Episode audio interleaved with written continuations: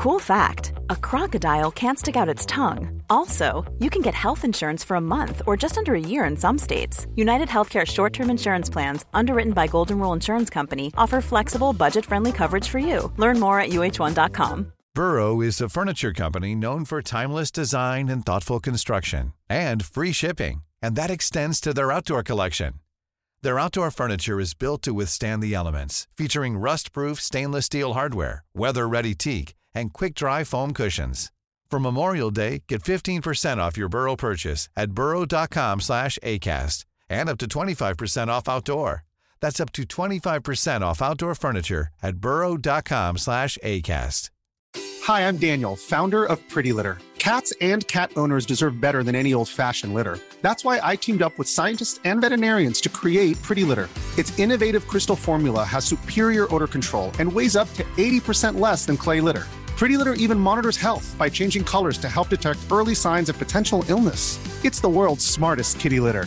Go to prettylitter.com and use code ACAST for 20% off your first order and a free cat toy. Terms and conditions apply. See site for details. Quality sleep is essential. That's why the Sleep Number Smart Bed is designed for your ever evolving sleep needs. Need a bed that's firmer or softer on either side? Helps you sleep at a comfortable temperature? Sleep Number Smart Beds let you individualize your comfort so you sleep better together. JD Power ranks Sleep Number number 1 in customer satisfaction with mattresses purchased in-store. And now, save 50% on the Sleep Number limited edition Smart Bed for a limited time. For JD Power 2023 award information, visit jdpower.com/awards. Only at a Sleep Number store or sleepnumber.com.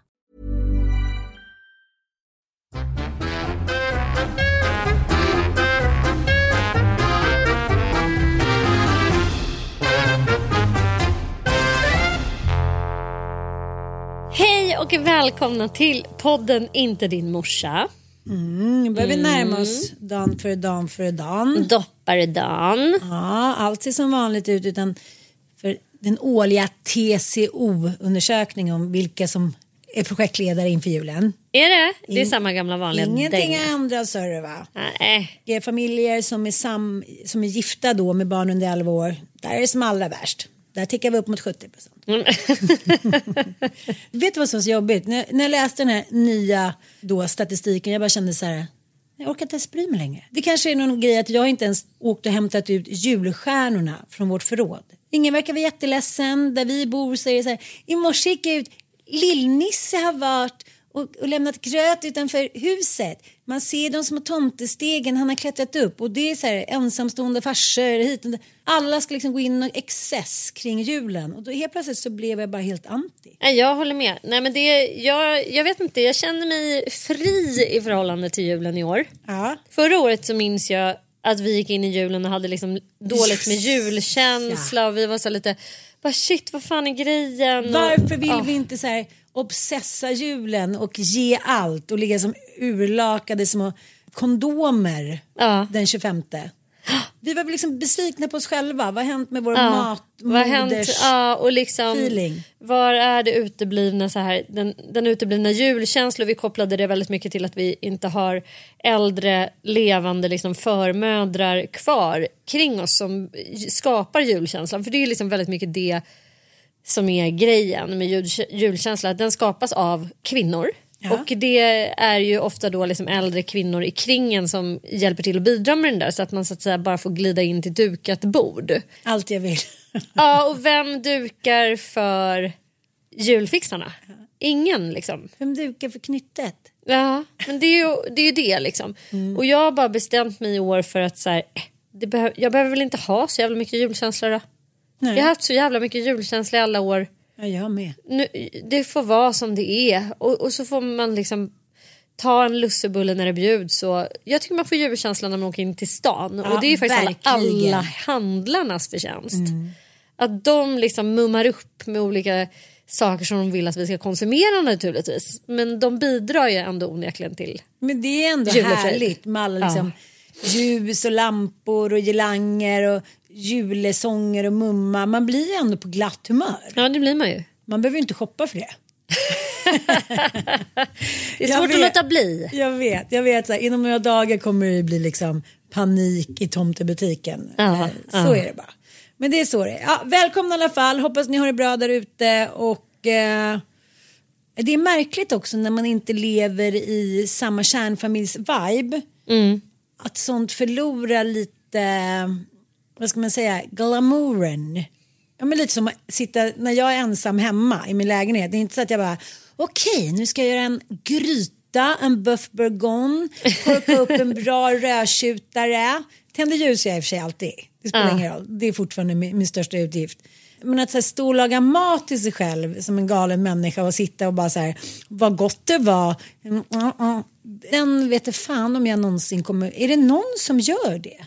Jag har ju levt sä- särbo i jättemånga år och det är absolut inte olikt eh, att leva liksom det ensamstående varannan vecka-livet Nej, med barn. Så att när vi levde i särboskap då försökte vi ha barnen då eh, enligt någon princip att, att de var med Micke varannan helg. Det jag fyllde mitt liv med när barnen var hos honom det var ju framförallt att hänga med mina vänner. Ja. Att gå ut och käka, att gå och se pjäser, att liksom göra bara sånt, så här, gå yoga, gå på möten, alltså sånt som är lite, lite att betrakta som ett yoga-retreat fast i hemmet. Liksom.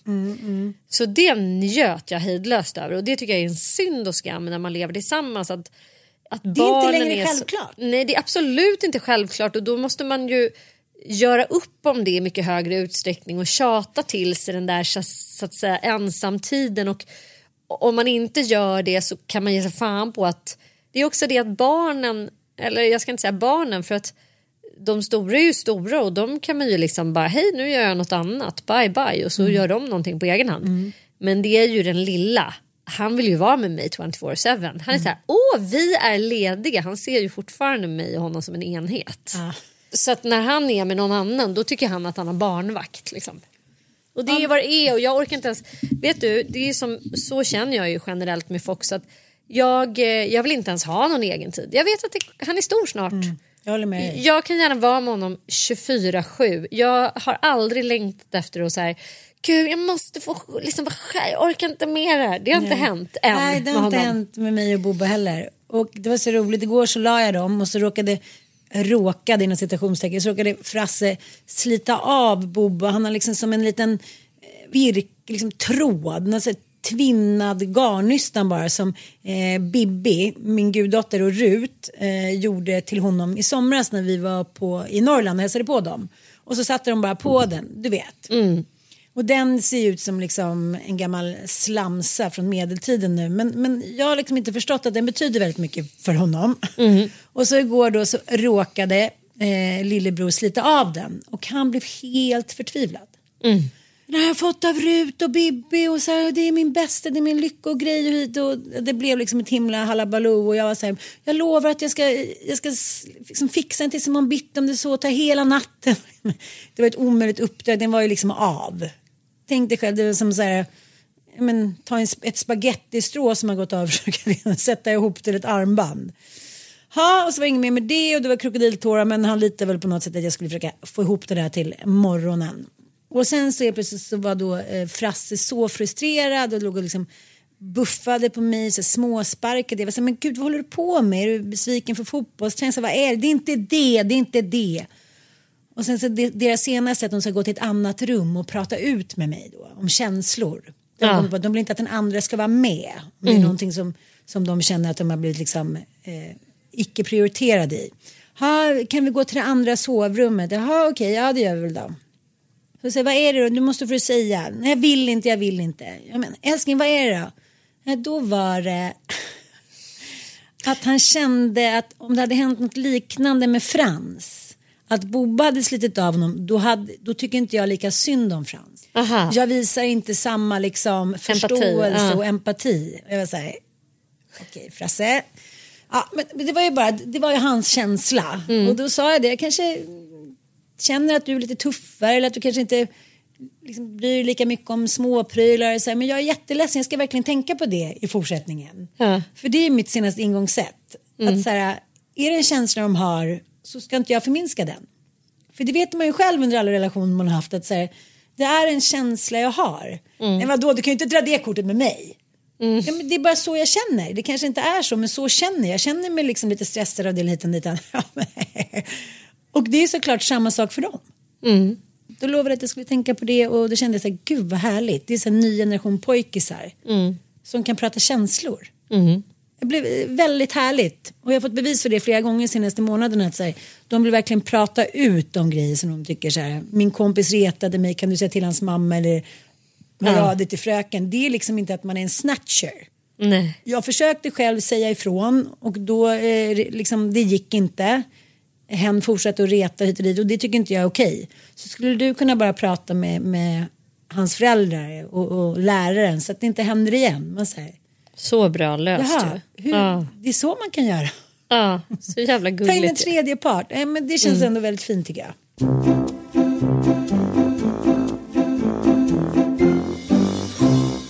Ni bara måste hänga med oss till surflogiet. 7 till 9 juni har vi en boost camp, summer boost camp på fantastiska underbara surflogiet som ligger alltså på Tofta strand utanför Visby på Gotland. Alltså du fick ju en vild idé för att du själv var där och bara Två njöt. gånger i somras. Vägrade åka hem. Vägrade Ja. åka hem. Det är glampingtält.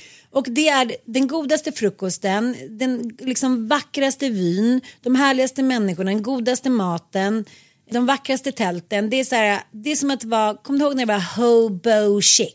Ja. Ja, det, är så här, det, är, det är som att vara i en uppdaterad hippiedröm. Det är ljuvligt. Gå in Mm. på surflogiet på Instagram om ni vill få liksom lite, ett litet hum om vad ni har att vänta. Och vi brukar ju i sann inte din morsa-anda alltid bjuda på ett inför sommaren avsnitt med lite så här boost kring medberoende. Hur kan man göra nu när vi går in för semester? Det är den tiden eh, eh, under året när svensken dricker som mest. Det är då medberoende och beroende liksom på något sätt exploderar för många i relation. Eh, och sen brukar vi också bjuda på ett litet peppavsnitt inför jul. Så, så nästa veckas avsnitt kommer ju att handla jättemycket om hur vi överlever julen om vi lever med personer med beroende. överlever julen. Överlever julen. Eller liksom hur vi inte bara överlever den utan faktiskt njuter av den också. Men vi bestämde oss för att göra den här boostcampen för att också gå in i sommaren påfylld. Att för första gången sätta sig själv främst i första rummet. Att inte tänka så här, nu är det semester, nu ska jag liksom nu ska ungarna ha sitt och karln ska ha ditt och datt och liksom Farmor alla andra. Ja, utan så här, nej, det första som ska hända eh, sommaren 2024 det är baske mig att jag ska få en svinhärlig helg. Och det kommer ju liksom bli lite grann temat för hela vårt nästa år. Vi säger inte mer än så. Nej. Vi kommer avslöja den här stora härliga överraskningen för er. Men surflogiet är en del av det. Och det är en helg, en boostcamp när 36 underbara kvinnor, lyssnare av denna podd kommer att samlas i en Ja men det är en liksom kavalkad av gemensamma middagar, fantastisk yoga, fantastisk breathwork där vår underbara kompis Sofia kommer med och eh, guidar. Vi kommer hålla en föreläsning Och workshop. och workshop om medberoende, om hur vi går in och skapar liksom den bästa sommaren i och jag, man behöver alltså inte vara medberoende för, för, alla kvinnor tycker jag är mer eller mindre medberoende Mm. och anhöriga inför sommaren. Vi ska göra upp en sommarplan Mm. and you will stick to it with us för vi är lika sårbara vi. Och eh, jag måste bara snacka lite om goodiebagen. Ja. Den kommer ni kunna eh, gotta er i under hela sommaren. ja, det kommer ni Vi har definitivt. Didriksson, vi har Lindex, vi har Glowid, vi har sexleksaker, vi har smink. Vi har Oddbird, Vi har ditten dryck. Ja. Vi har, nej men, vi, alltså, det kommer bli så härligt så att även om ni kanske tycker att eh, det är lite dyrt så eh, kommer ni få... Ni så, får otroligt Ja. mycket för pengarna. Ja. Det är liksom också ingen glamping. Jag menar, alltså, ni kan inte fatta. Det är hästensängar. Det är liksom den lyxigaste av det lyxigaste frukostar. Det här är, ni anländer fredagen på eftermiddagen och sen är det fullt schema och du och jag kommer ju alltså att bo tillsammans med er under hela den här helgen. Och Mm. Basta finnas, ska vi göra, Vi ska, bada i basta, vi havet. ska bada Ska kallbad. skratta och gråta Ja, och nej, men det kommer liksom bli som en enda stor magisk kvinnocirkel. Det här kostar 6 800 kronor men då ingår ju alltså en goodiebag till ett värde av nästan 6 000 kronor. Så att ni får väldigt mycket för pengarna. Så om ni vill vara med på den här fabulösa helgen, 7-9 juni, då tar ni bara och mejlar till jenna at surflogiet.se surflogiet.se jenna at surflogiet.se Och vill ni ha mer information så kan ni gå in på eh, inte din morsas Instagramkonto. Det kan ni verkligen göra och skicka DM om ni undrar över detaljer. Ja, ja. Alltså vi individanpassar mat om det är så att man har allergier. Vi ser till att, om ni vill komma ensamma så kommer ni väl liksom att para ihop er med andra som också reser ensamma. För det är en vanlig fråga vi har fått. Det kommer bli världens underbaraste helg. Ni måste komma. Det finns några få platser kvar så passa på att knip dem nu som en julklapp till er själva. Och någon har frågat om män är välkomna och nej, det är de inte. Det är de inte. Nej. Puss. Eh, puss.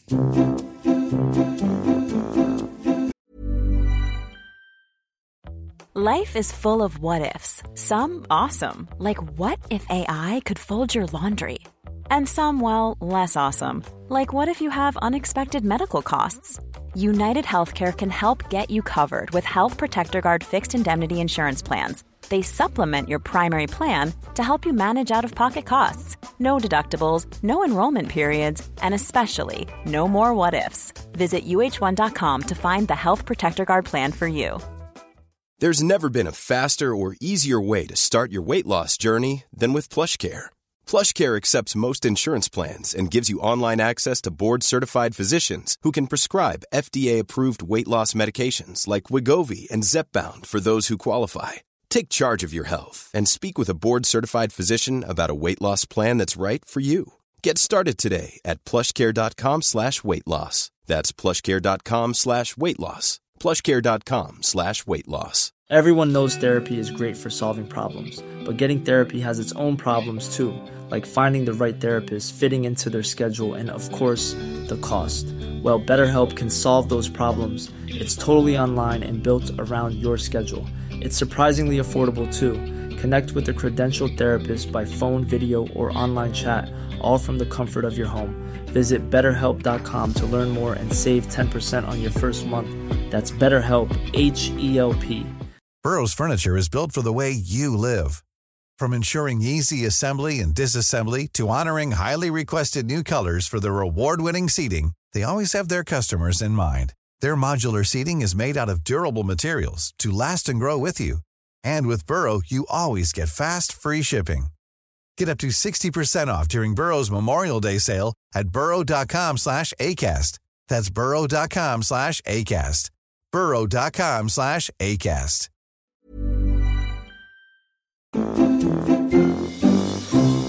Ja, apropå pojkar så ska jag eh, dra mitt första ämne här. Eh, Jag har scrollat. Det märks ju att det är kris i eh, streamingtjänstvärlden. det är inte mycket liksom, att titta på så här, seriemässigt. Det är inte mycket Minns du det storslagna liksom, Vikingsåret eller liksom Game of Thrones? Man bara, var är... Det finns typ inga såna Miljardproduktioner. miljardproduktioner, så här, svulstiga världsproduktioner. Ja, men, Som engagerade en hel värld. en hel värld verkligen. Och jag är ju svag för true crime, jag är svag för liksom en och annan dokumentär men jag känner liksom att jag har svårt att hitta någonting och så klickar jag bara så helt random. Jag går in på SVT play och hittar en dansk dokumentär som heter En tyst berättelse. Och jag läser inte på texten vad det här ska handla om utan jag bara eh, det är en ny dokumentär av en ganska ung Skit filmare. Whatever, jag drar på den. Den är 53 minuter lång. Men det är en resa som jag då ska tas med på som jag inte är förberedd på och som jag inte har sett. Eh, eh, jag, jag har liksom aldrig ens vistats i närheten av ett sånt berättande. Det handlar om en eh, man som är, han är 35 år gammal och han är själv filmare, eh, regissör. Och han vill i den här filmen konfrontera sin förövare. När han är sex år gammal så blir han utsatt för en serie sexuella övergrepp av en annan pojke som är 12 när det här börjar. Och det är en pojke som är väldigt nära familjen. Familjer som umgås. Pappans bästa kompis är pappa till den här sonen. Men eh, till, till den här 12-åriga pojken och den pappan är död. Så att eh, den här utsatta pojkens pappa har liksom tagit den här 12-åringen till sig som en liten extra pappa-grej. Mhm. Liksom. Så de spenderar sommarlov tillsammans och de spenderar ledig tid tillsammans med, med den här 12-åriga pojken och hans farmor och farfar.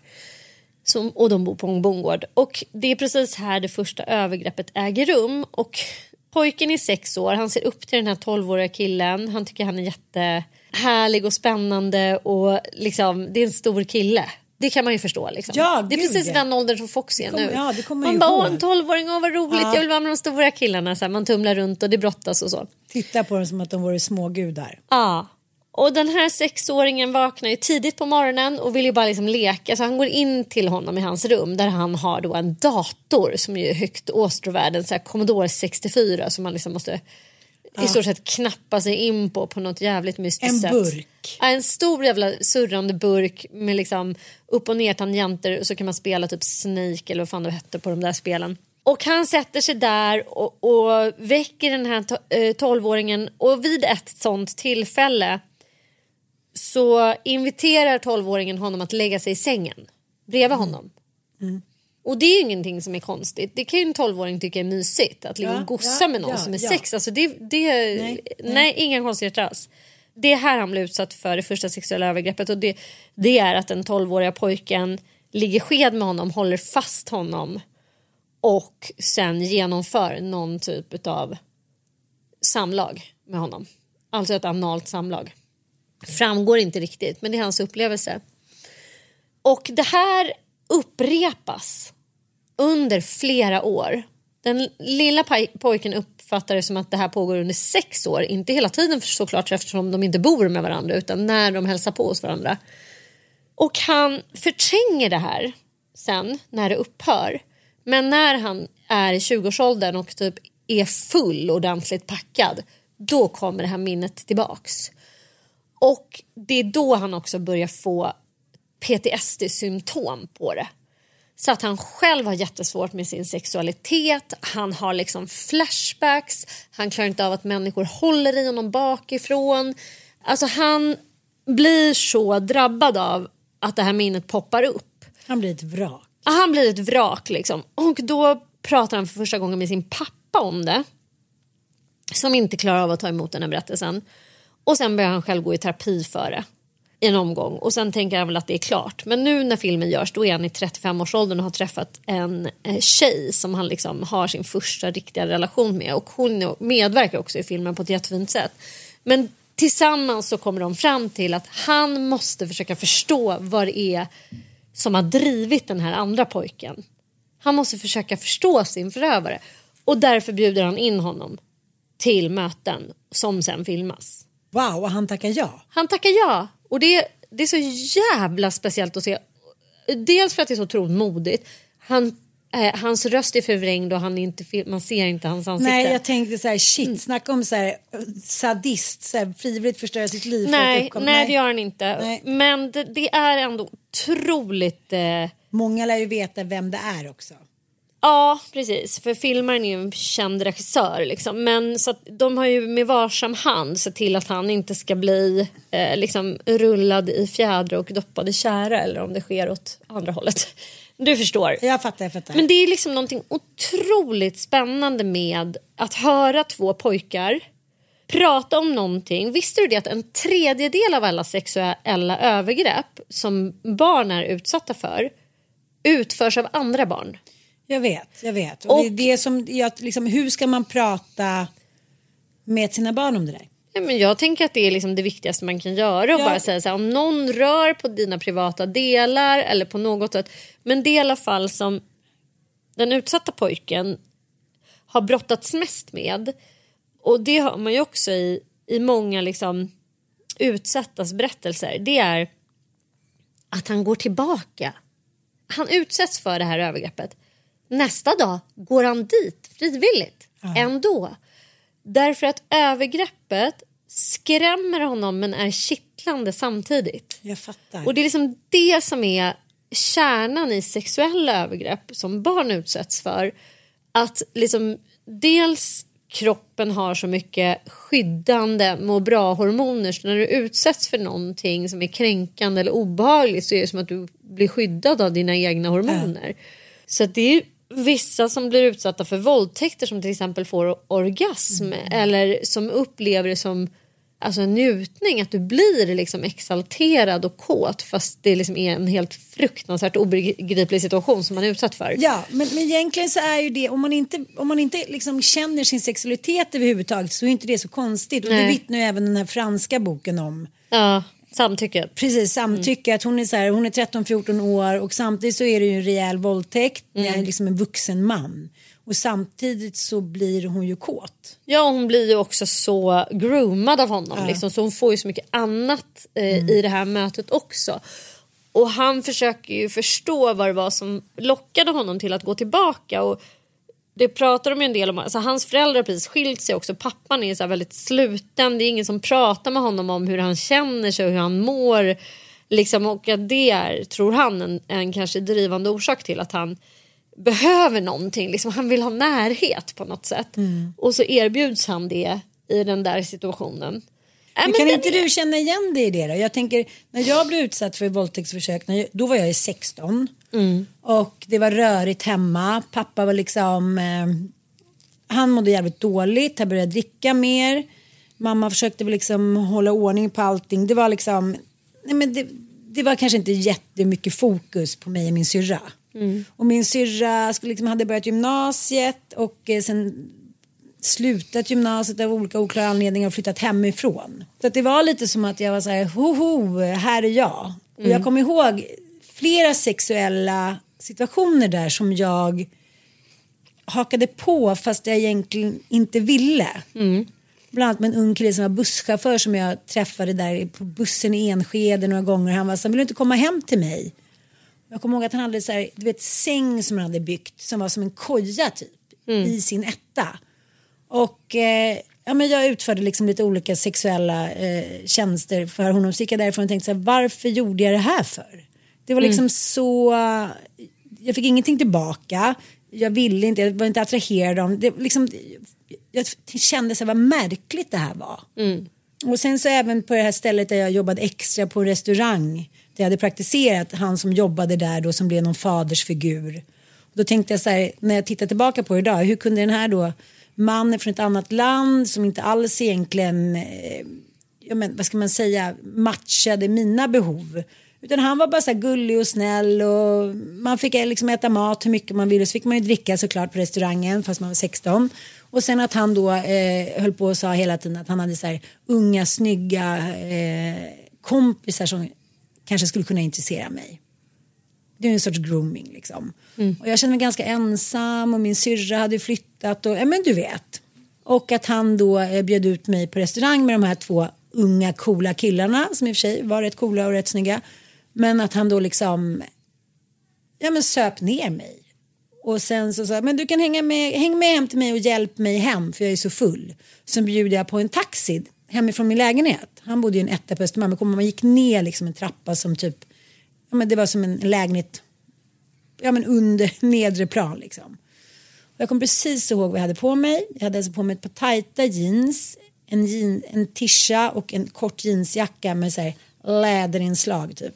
Och sen hade jag höga stövlar i mocka och så hade jag så här en gummis eh, sidenband runt knutet. Och eh, det var ju min räddning för han fick ju inte liksom, han var ju för full för att få ner mina brallor och kunna sära mina ben. Men just det när han säger så kan inte du hjälpa mig hem? Och sen bjuder jag på en taxi. Det fanns inga varningssignaler, inga liksom red flags, ingenting. För det här var ju, som man säger då, i min, liksom mitt röriga, mina röriga hemförhållanden just då så var ju han en fadersfigur då som lyssnade på mig och så här var snäll och lät mig äta och så förstod att så här, ja, det var lite rörigt hemma och vi pratade lite om det. Och det är, liksom, det är en sån hemsk så här, situation. Det är liksom den vidrigaste utnyttjandet där att man litar på någon. För mig var det här då inget kittlande som det här var liksom, förlåt, men fet gubbe som ja, bara var allmänt äcklig. Men just det där att att man tror så här, men gud, men förstod du ingenting och hur kunde du gå med? Det blir så, blir så anklagande mot offren. Fast man säger, det fanns inte ens en tanke på det. Det är samma sak för den här lilla pojken. Det fanns ju inte en tanke på att hans idol, eller man ska säga, hans förebild som var så cool, skulle göra något sånt här. Och han kunde inte Nej, ens... till, jag tror till och med att det är så här när man är sex år gammal. Att om ens förebild och idol gör något sånt där. Redan blicken på honom som en förebild och idol gör ju det okej. Ja, Alltså ja. det gör ju handlingen. Det är så här, men då är det säkert så här man gör. Ja, ja. Man Hur ska han kunna veta? Alltså, hur ska man kunna veta? Och då, båda pojkarna också, vilket är spännande för han frågar honom så här. Hade du några andra sexuella erfarenheter när vi gjorde det här? Nej, han hade inte det. Han bara, det fanns ju inte porr på den tiden. Jag hade aldrig, jag vet att jag hade lekt doktor med någon tjej liksom så här. Men jag hade ju absolut inte liksom någon er- jag, hade jag visste liksom inte riktigt vad det var jag gjorde. Jag visste bara precis som när jag erfor så berättade han liksom att han hade stått mot någon basketkorg, du vet en sån ställning med en basketkorg och så hade han liksom stått runt den och så hade han liksom känt du vet en så sexuell känsla kring den. Alltså så här, nej men den här dokumentären är så häpnadsväckande av så många olika skäl. Dels för att man får se offer och förövare mötas och faktiskt samtala. Och eh, hur han, eh, offret läker väldigt mycket av det här. För att Ja, han har också samtalet. betraktat det här som en sån jävla formativ händelse i hans liv. Att det här har förstört hela hans liv. Så när han får träffa honom och förstå att det var inget monster. Det var inte någon som med berått mod har liksom utnyttjat honom. Alltså han har ju byggt upp en föreställning om det som inte riktigt stäm, stämde med liksom det som var. Det är hans upplevelse och känsla av det. Men det var inte så. Så att liksom han läker av det. Och han känner sig lättare säger han. Han förstår att han sa så här, när jag förstod att han inte var ett monster då känner, känner jag, nu känner jag mig lättare. Ja. Och sen att de också får diskutera så här, att, att höra män som är vuxna prata om så här, sexuella erfarenheter som inte är rumsrena och som inte liksom är bara något sätta på hit och. Alltså, Mm. Nej men den är så fin den här dokumentären. Alltså, jag kan säga att den är väldigt triggande. Jag fick ganska mycket ångest av att se den. För de mår ju inte bra i det här mötet. Alltså, de är ju så jävla nervösa. Liksom, det är så mycket torr käft på dem så att det är liksom Bananen Ja. bara hänger i munnen. Ja, de är bara så här, och liksom det, man, man känner ångesten genom rutan. Men den är sjukt spännande och liksom, ja, det är bland det mest fascinerande jag sett. Alltså, ibland är jag glad över att eh, det är strejk i Hollywood för att man då bara så här halkar in och ser saker som faktiskt kan ge en någonting som man kan bära med sig eh, för resten av livet. Känner jag att jag kommer bära med mig den här lilla korta. Och det är liksom inget häpnadsväckande. Det är inget så här, åh, de når, når liksom någon typ av så här total försoning som gör att de är best pals forever. Nej, nej, nej. Det är liksom någonting litet ändå mirakulöst som händer. Så Nu vill varmt, jag eh, fråga hur det slutar men det kanske är för mycket spoil alert. nej, det, det, nej, men jag ska inte säga någonting för det är inget sådär typiskt liksom. Hollywoodaktigt. Nej, det är inte. Det är bara så Men det är, jätte, det är jätte, nej jag ska inte säga för den, det är ändå tillräckligt satisfying för att det ska sluta lyckligt så kan vi säga. ja, Då får Ja. jag tipsa om en annan film då. Ja. Puss och hej då. Ah, När min kille friade till mig ringde jag henne. När hon var nyförlöst och blev lämnad ringde hon mig. Ja, men dels är det ju, tycker jag är så himla fint eftersom jag inte har haft det på ett tag, styrkan i systerskap. Liksom. Hur man verkligen kan liksom hjälpa varandra ur den värsta av kriser som på pappret känns så här, nej men du vet att någon skulle lämna en som i det här fallet, att Sandra då, hon har precis fått sitt andra barn och eh, ja, då blir hon liksom lämnad för eh, en annan kvinna. Och det är där ligger hon med, det blir ju som en mardröm då såklart. Hon är helt oförberedd. Hon har en liten dotter också som hon lämnas kvar med. I en annan del av landet så försöker Annika som är hennes syrra, eh, hon är nyförlovad och eh, liksom lycklig och ska försöka stötta då sin syrra över telefonen. Och såklart då när hon är, så här, är nyförlovad och funderar kanske på att själv skaffa familj så blir hon ju eh, såklart liksom, hon ser på det här med helt andra ögon. Att säga, men gud hur ska man våga skaffa familj? Tänk om det här händer, hur ska man liksom klara av det? Och just det att, att man kan bli lämnad när man här, ligger där nyförlöst, så sårbar och har en så här, otroligt tung börda och då blir man lämnad. Alltså, jag skulle inte ens kunna föreställa mig, för mig finns det inte och det händer ju då och då. Och så gick jag in på ett konto efteråt där de, de skrev, det var liksom en debatt på hej, vad heter Heja livet. Men även på ett konto där liksom, som man skriver på då, så här, om såna här grejer. Och vet du, det var inte alls ovanligt att det här skedde. Nej. Det var så många kvinnor som bara, jag känner igen det, det hände mig också. Jag var så här, va? Det här måste ju vara en av de, största skamgrejerna. Att en man lämnar en nyförlöst kvinna, vad fan, då är man ju inte värd, ja, men då är man ju liksom inte mer värd än kackerlacka. Och det är några som har skrivit, men när, när ska man göra det då liksom? Han kanske hade tänkt på det jättelänge, när är det en bra tid? Jag var så här, du vet, skulle, skulle jag bli uppraggad eller liksom någon skulle försöka, du vet, att jag skulle träffa en kille och sen skulle han lämna liksom en kvinna med nyförlöst barn och en tvååring. Som att jag överhuvudtaget skulle titta på den snubben. Jag skulle bara säga så här, hörru ditt jävla arsle. Du tar ditt ansvar, gå i terapi, läs om moral och etik, gå hem och stötta din nyförlösta fru nu. Hej då. Och så såg jag en grej på eh, en story idag. Och det var en kvinna som, eh, vi kan lyssna på den. I feel badly for Hillary Clinton because if I found out that a bunch of women were sleeping with my husband, would I be strong enough to be like, all right, girls, I'm on your side? Or would I do 10 minutes of Facebook investigations and have an entire dossier on them in five minutes and ruin their lives with it? I don't know what I would do. I would like to think the former. We would all like to think we're strong enough to always side with the sisterhood because men are ultimately pathetic. And let me be clear when I say this because I don't want to offend anyone. All men, all of them, Den här tjejen heter Cat Boom om man vill följa henne på Instagram. Det är det här man alltid återkommer till att man alltid tror att man skulle välja sisterhood. Sisterhood. Ja. Men i många fall då de här männen som lämnar för en annan så har man ju inte valt sisterhood. Nej. Och så kommer- återkommer till det här, är det, kvinnans, är det kvinnans ansvar när mannen, är det mannens ansvar när kvinnan hit och dit. Men just i sådana här fall att man precis har fött någons barn och lämnar den personen. Det spelar ingen roll liksom, hur dålig en relation är. Då får man liksom tugga i sig det. Om det ändå har varit så dåligt så himla länge enligt honom då. Kan han inte tugga i sig ett år till då? Är det just då han behöver göra det? Det är någon sadistisk handling tycker jag. Jag håller helt med och samtidigt så är det ju så en desperation och jag kan också inte riktigt begripa för jag har väldigt svårt att tro att någon går från att vara en fantastisk liksom snubbe till att bara oj nu födde jag barn och då liksom det var då han visade sitt rätta ansikte Nej, och drog. nej. Alltså, så här, har man kanske missat någonting? Vad finns det för dysfunktioner i den här relationen som, som man inte har greppat eller brytt sig om att titta på? Är det för att man har någon dröm? Men sen tänker jag så här, generellt med sisterhood, jag tror ju att så här, nej, jag tror att du är lojal med den du är beroende av.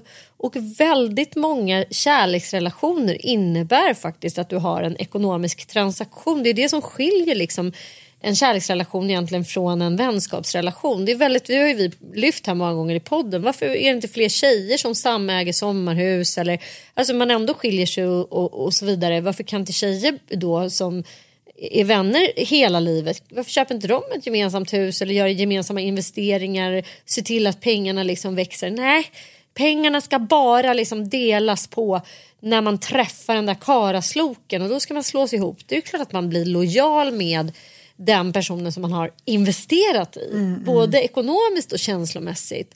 Och är jävligt lojal med honom eller henne. Jag menar jag vet eh, kompisar till mig, eh, bekanta som är så här, ser mellan fingrarna med till exempel otrohet. För mig är så här, nej men jag, vi har liksom för mycket att förlora på att skilja oss. Så att Det gör vi bara inte, alltså det kommer aldrig ske. Nej, jag har en kompis som har suttit och tröstat hennes äkta mans älskarinnor vid köksbordet. Så här, Ingen fara. Du behöver inte vara ledsen typ. Eh, du vet, det där har jag gjort mot många. Att det blir liksom så skruvat. Och sen så, vem är man att döma? Att säga, Mm. Jaha, men det är kanske är någonting de har kommit överens om. Mm. Men det är ju väldigt sällan som det är så här, två fria individer och den ena är inte beroende av den andra som tycker att det är okej att bli bedragen i parti och minut. Det, det kan jag faktiskt inte tro. Nej, alltså det, nej, jag vet inte. Men jag är väldigt nyfiken på den där filmen. Också av det skälet att jag tycker att det är så himla spännande grepp. Ja. Att så här, börja filma mitt i en kris och det är liksom telefonsamtal som bildsätts med så här suggestiva bilder. Jag såg en trailer för den, den verkar liksom skitcool. Så jag, Mm. jag vill också se liksom det konstnärliga greppet med hela filmen. Mm. Och att den landar i saker och ting som är väldigt allmängiltigt. Det vill säga frågan om jämställdhet och även poj- alltså, pojkvännen, killen är ju med. Eh, han Precis. som sviker, den, han som bedrar. Hans berättelse finns också med. Så att smaskens säger jag bara. Mm. Men det är Smaskens. också så att, att hon ligger där nyförlöst, ligger och ammar, hon är helt slut. Hon tänker att nu ska jag få sova lite och så kommer han in och säger så här, jag måste berätta en grej för dig. Hon bara säger va? Ja, jag har träffat en annan. Hon var så här, va? Och, och sen sen så liksom, för hon tycker att han har varit så märklig sista tiden. Och då blir han så liksom förlöst av att Har fått, fått det sagt. Ja, så att han bara så här, somnar. Men lite som att han liksom har fått en, en manlig orgasm. Och då som ofta händer så här, bara, ja du somnade nu. Spänningen släppte. Man bara, ja, vi skulle inte skeda, vi skulle inte så här ta en cigaretten efteråt. Alltså, du somnade nu ett jävla arsle typ. Och så ska de ju liksom, ja, nu har det kommit några artiklar där de då eh, försöker förklara det här då vetenskapligt att, att män har då någon, liksom, eh, någon form av eh, förlösande och endorfin att de inte kan hålla sig vakna Nej. efteråt. Så här, okej, men lucky you då, då har ni, behöver ni inte ta ansvar för det heller. Så att han somnar och sen dagen efter går han upp och så bara säger han så här puss och hej då. Går han ut ur deras gemensamma hem. För mig är det psykopatvarning. Jaha. Ja, det är väldigt intressant hur hon då tar sig igenom det här med hjälp av sin syster. Ja, nej men superspännande. Nej, den måste ses, he- helt klart. I think I've seen this film before, and I didn't like the. I'm not your problem anymore. So who am I offending now? You are my crown. Now I'm in exile, seeing you out. I think I've seen this film before. So jag läste en intressant krönika häromdagen av eh, den alltid spot on eh, skribenten Saga Kavalin. Hon skriver DN bland annat och etc. Och hon skriver då om eh, person of the year. Mm, det har varit mycket ståhej kring henne och hennes katt som heter Benjamin Button. Jaha. ja, men det handlar då om eh, den amerikanska pop och countrysångerskan Taylor Swift. Nej men hennes segertåg över denna värld i år är ju formidabel. Och jag tycker att hon är jättebra men för mig så känns det inte som att hon har hon, hon rör inte igång någonting hos mig. Det, liksom, Det gör hon hos mig. Gör hon? Ja, fy fan. Jag älskar Taylor Swift. Ja, men alltså, jag, tycker, jag älskar hennes låtar men att titta på hennes liksom, framträdande eller se henne tillsammans med någon kille. Det är inte så att jag känner så här wow, jag vill bli som hon eller vilken rebell. Eller, liksom, och det, så behöver det inte vara. Men jag tycker ändå att den här krönikan är väldigt spännande. Ja. Time utser ju då varje år årets person. Och det här är ju liksom vi kan jämföra det med årets sexigaste i kaféet, så här, släng det i väggen. Det finns liksom ingenting, ja, Guldbollen, det finns Ja. ingenting som går att jämföra i Sverige. Det här är liksom, då är du the coolest person on earth. Blir det ju typ. Och eh, den är ganska roligt skriven ändå för att hon berättar då om sin revansch. Hur liksom nedslagen hon blev med förra skivan och det här stora bråket med Kanye West och hiten och dit och nu att hon liksom efter 2017 när hon kom ut med det här Reputation som hon blev väldigt hånad för nu har kommit tillbaka och fått revansch. Och reporten tycker då så här, men vad är det så här, ja hon har haft lite motgång, varva ner typ. Så det är inte så att du har fått en revansch, du har alltid varit eh, väldigt milda prövningar liksom. Så det här är väldigt liksom intressant tycker då eh, Saga Ka- Kavalin att hon liksom, nej men hon, hon är inte sexig, hon kan inte dansa, hon, eh, liksom, hon spelar inte så här på utanförskap. Hon är liksom, eh, ja hon är en vanlig tjej utan någon så här superkarisma, fint hår eller dansförmåga. Hur har hon då kunnat dominera världen? Men det är väl just det, the girl next door. Alltså att Ja. hon inte är så här, eh, liksom någon underskön. Hon spelar inte på sitt sexuella kapital på det sättet. Hon bara drar fram sin gud. Alltså så här, jag eh, upptäckte Taylor Swift eller för första gången kommer jag ihåg när hon var med på MTV Music Awards när hon blev så här svinhånad Ja. när hon liksom vinner ett pris och bara får motstå liksom, det, det är alla Britney fast tusen gånger värre. Att de på riktigt buar när hon vinner om det är årets låt eller vad det är. Men jag tycker också att det är ganska roligt att så här, apropå att liksom alla amerikanska artister är ju mer eller mindre byggda varumärken. Att man har bestämt sig för att framea någon, att man har bestämt sig för att marknadsföra någon på ett visst sätt. Och hon gick ju in i countrygenren liksom, och där skulle hon få göra countrypop som Shania Twain och liksom i gänget. Men att hon i takt med egen berömmelse och egna pengars intåg på kontot har ju helt och hållet bara bestämt sig för att styra skutan själv. Ja, och hon är ju otrolig. Hennes texter. Ja, nej, men det är liksom ett musikaliskt underbarn. Ja, jag säger inte att jag inte gillar men, men jag tycker ändå att det är ganska fascinerande och då, då blir liksom Saga Kavalins tolkning som jag också tycker är spot on är att så här, ja det är 2023, liksom look around you. Det känns inte längre häftigt med så här galen sex, eh, knarkande brudar.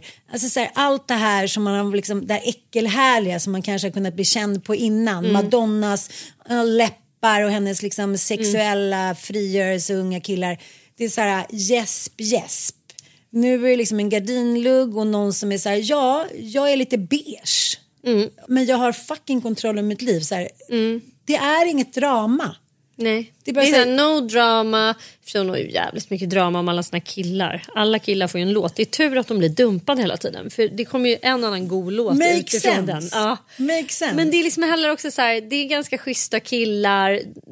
På ett eller annat sätt dumpar henne liksom. Men det ger ju bara upphov till att hon får vara lite low och skriva låtar. Men, men, eh, ja, men jag fattar var hon vill komma. Och det är väl så här om man ser henne som en representant för tiden eller Times liksom ut, urval eller hur, hur de har valt ut henne så är, är det ju lite som hon säger.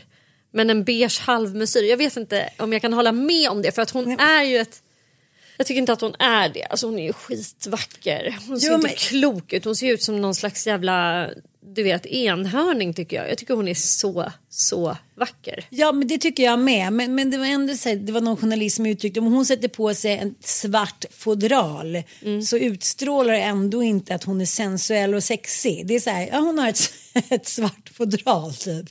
Ja men du vet om man försöker klä ner sig lite, vara lite casual, så här, gå runt på stan så känns det ändå inte att, så här, att hon är skönt casual. Ingenting blir liksom rätt.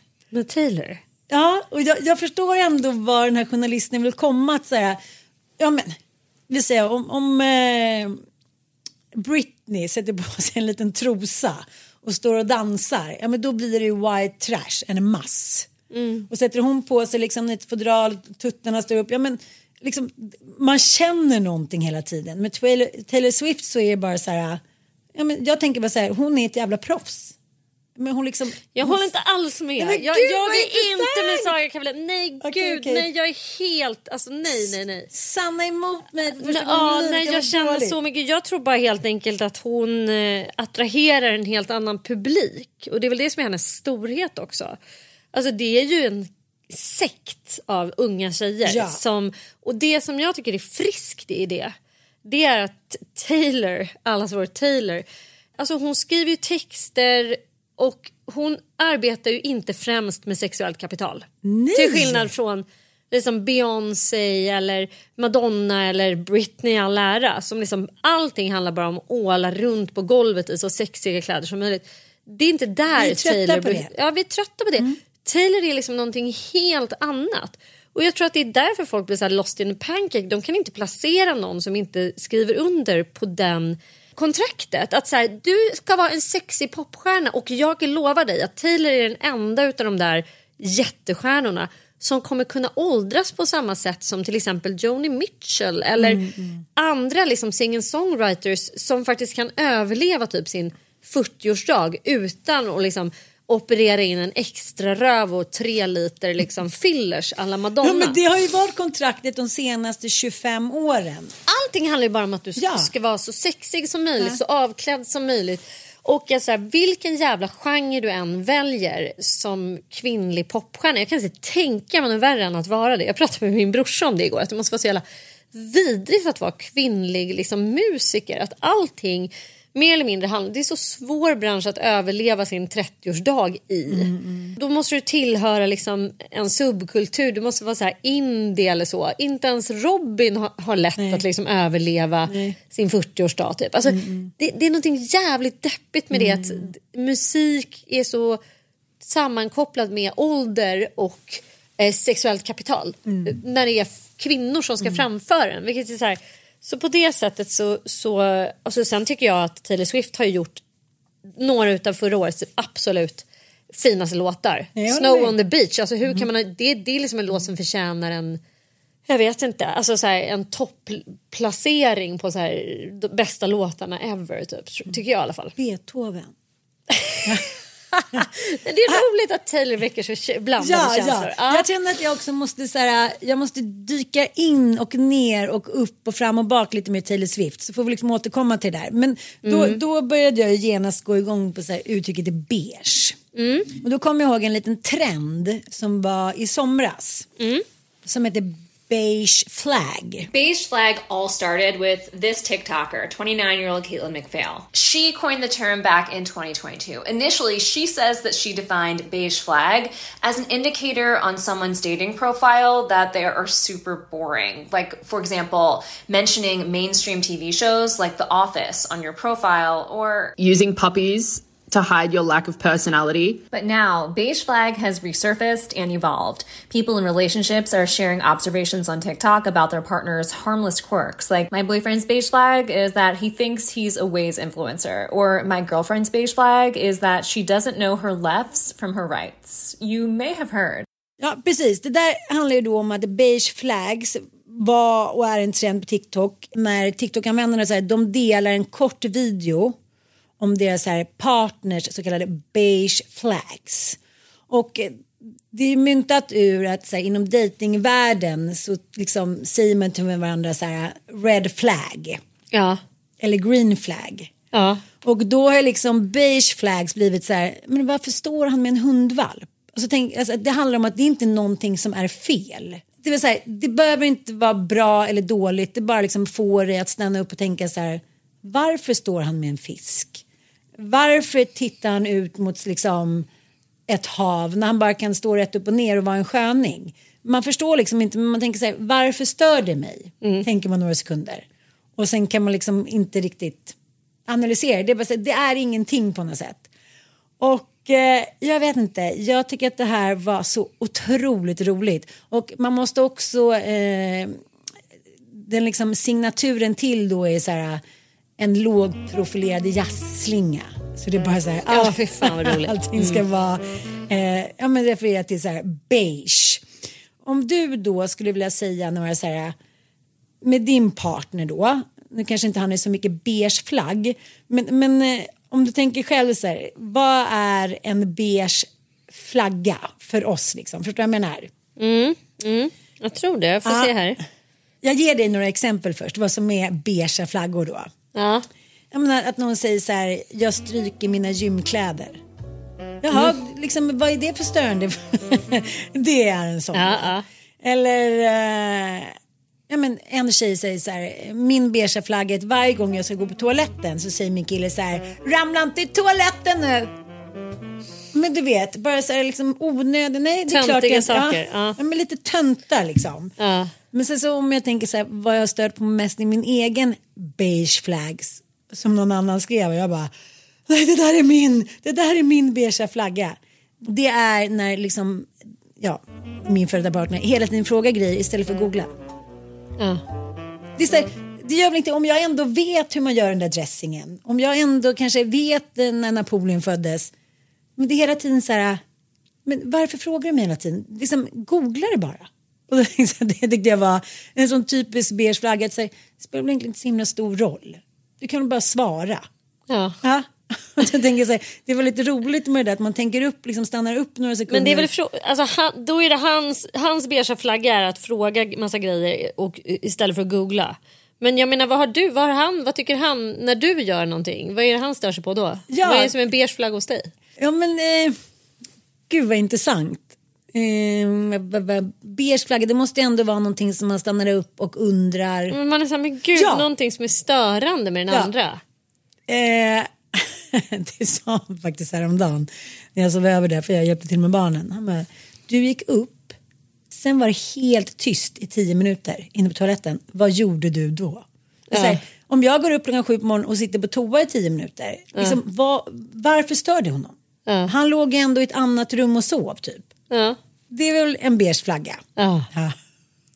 Ja gud. Vad, ja. Ja, det är ju ändå en, jag måste ändå säga, jag fattar ju själva greppet liksom. Ja. Men det är ju också, tänker jag, att människor som har beiga beteenden för sig, de, är ju, de har det ju oftast lite för bra. Taylor Swift är ju beige av det skälet att hon är Ja, älskling. välvaggad. Ja. Hon har en mamma och en pappa. Hon är liksom så här, det, det finns inget trash, det är ingen alkisgalning. Det är inget så här, utan hon är en välvaggad unge som är så här, då har man tid att stryka gymkläderna. Man har tid att skära sin mat och inte slängas i den i sig. Man har liksom tid att eh, utveckla små så här eh, rituella njutningsgrejer och så här, eh, av vad det nu än är som andra människor uppfattar som så här, fy fan vad onödigt, varför ska du sitta där i tio minuter och typ hålla på Gud, med och skit. Milan och typ. deras tepåsar. Man bara, hur Ja. länge kan ni hålla på med de där tepåsarna? Ta ur tepåsen, stoppa i honungen, ta ut det. Tycker det är så mysigt. Gå Ja. in och ut i köket. Ja, Lite kliddra honung, lite, fixa lite, lite. ja. Har du rört min honung? Mm. Mm. Vill du ha? Man bara så här. Ja. Jag fattar. Det där är jävligt skarp analys. Du är så välvaggad att du kan liksom Du kan kosta, kosta på, på dig dig. en liten beige handling Ritual, eller liksom. fråga. Ah, Gud vad spännande. poddens namn.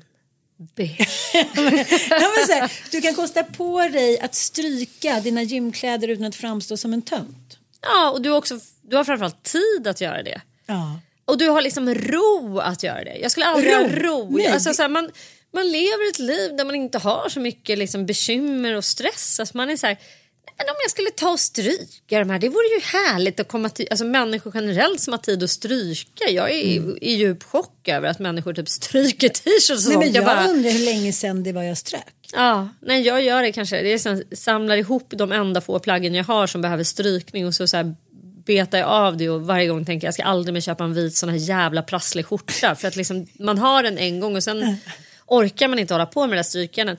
Men eh, det är samtidigt också en målsättning för mig för jag tänker så här, men gud, har man inte tid att stryka men då har man ju ett kaotiskt liv. Ja, alltså, fan, vem vill inte kunna bara känna så här, fan vad nice att gå ner och bara köra lite klädvård. Jag vet.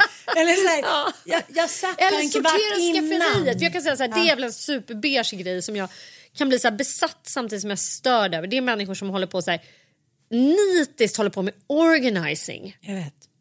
Marie Kondo-städningar, Mm. de håller på och rensar ut sina jävla skafferier och håller på och preppar såna här matlådor och kylskåp. Man bara, du har för mycket tid, rädda Mm. världen istället. Gå ut och hjälp någon unge som har det jävligt dåligt. Att hålla på med denna onödiga, timslånga, Dukning är så beige för mig. Man bara, du har på nu två timmar.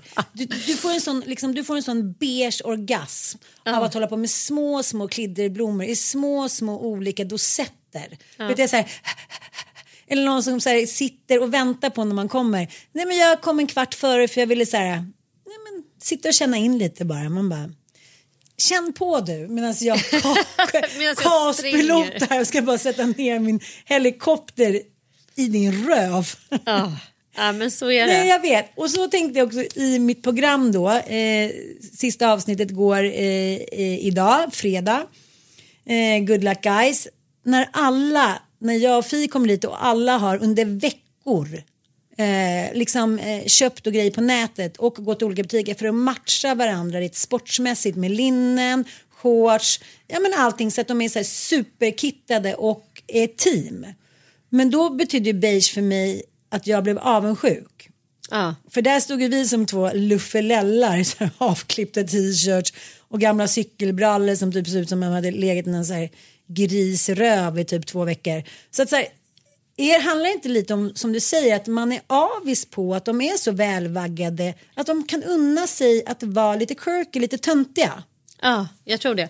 Och att de har tid till det. Och, alltså, absolut en blandning av avund och sen också en blandning av att man liksom har väldigt svårt att förstå varandras horisonter för att man lever med helt olika ingångar eh, till livet med stressnivåer. Man är, alltså, så här, vanliga människor eller välvaggade personer kan ju, de tittar ju på en också med lite så här hur kan du leva så där? Alltså, vad, vad, hur kan du inte ha liksom Ja. eh, strukna kläder?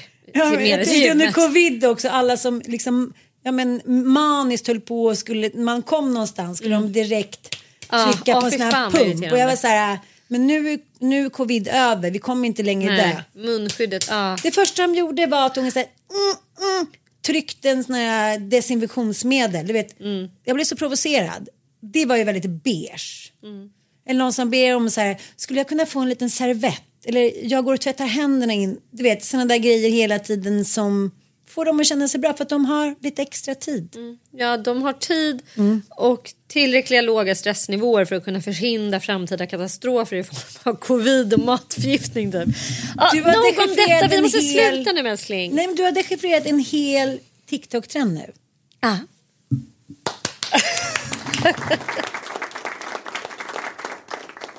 Okej då, eh, då har vi fått in allt. Beige eh, som inte du gick igång på. Du gick igång lite på slutet när du, Mm, när du dechiffrerade. Ja, du måste alltid glänsa, du måste vara guld. Gold. Jag måste vara golden. Ja, eh, surflogiet, vår eh, boosthelg. Ja, Vi har fått lite in pojkars känslor. Ja. Jag tycker vi har fått, fått med mycket av paletten. Det har vi fått. Och eh, nästa vecka kommer vi ägna denna podd åt i sedvanlig traditionsenlig anda medberoende, beroende, överlevnadsstrategier inför helgerna och hur man kan skapa en underbar jul eh, som inte liksom grusas av att någon som har ett beroende går bananjas. Vi hörs nästa vecka. Puss och kram. Puss och kram.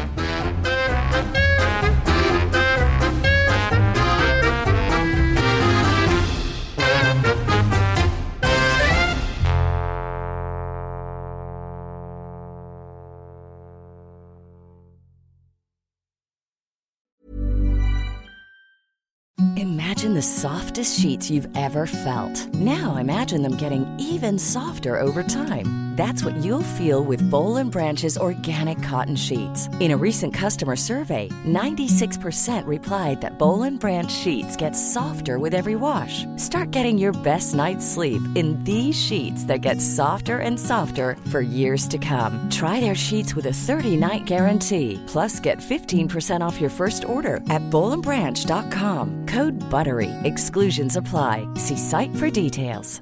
Planning for your next trip? Elevate your travel style with Quince. Quince has all the jet setting essentials you'll want for your next getaway, like European linen, premium luggage options, buttery soft Italian leather bags, and so much more. And is all priced at 50 to 80% less than similar brands. Plus, Quince only works with factories that use safe and ethical manufacturing practices. Pack your bags with high-quality essentials you'll be wearing for vacations to come with Quince. Go to quince.com slash pack for free shipping and 365-day returns. This message comes from BOF sponsor eBay. You'll know real when you get it. It'll say eBay Authenticity Guarantee. And you'll feel it. Maybe it's a head turning handbag, a watch that says it all, jewelry that makes you look like the gem, or sneakers and streetwear so fresh every step feels fly. eBay gets it. So look for the blue check mark next to that thing you love and be confident that every inch, stitch, sole, and logo is checked by experts. With eBay Authenticity Guarantee, you can trust that feeling of real is always in reach. Ensure your next purchase is the real deal. Visit eBay.com for terms.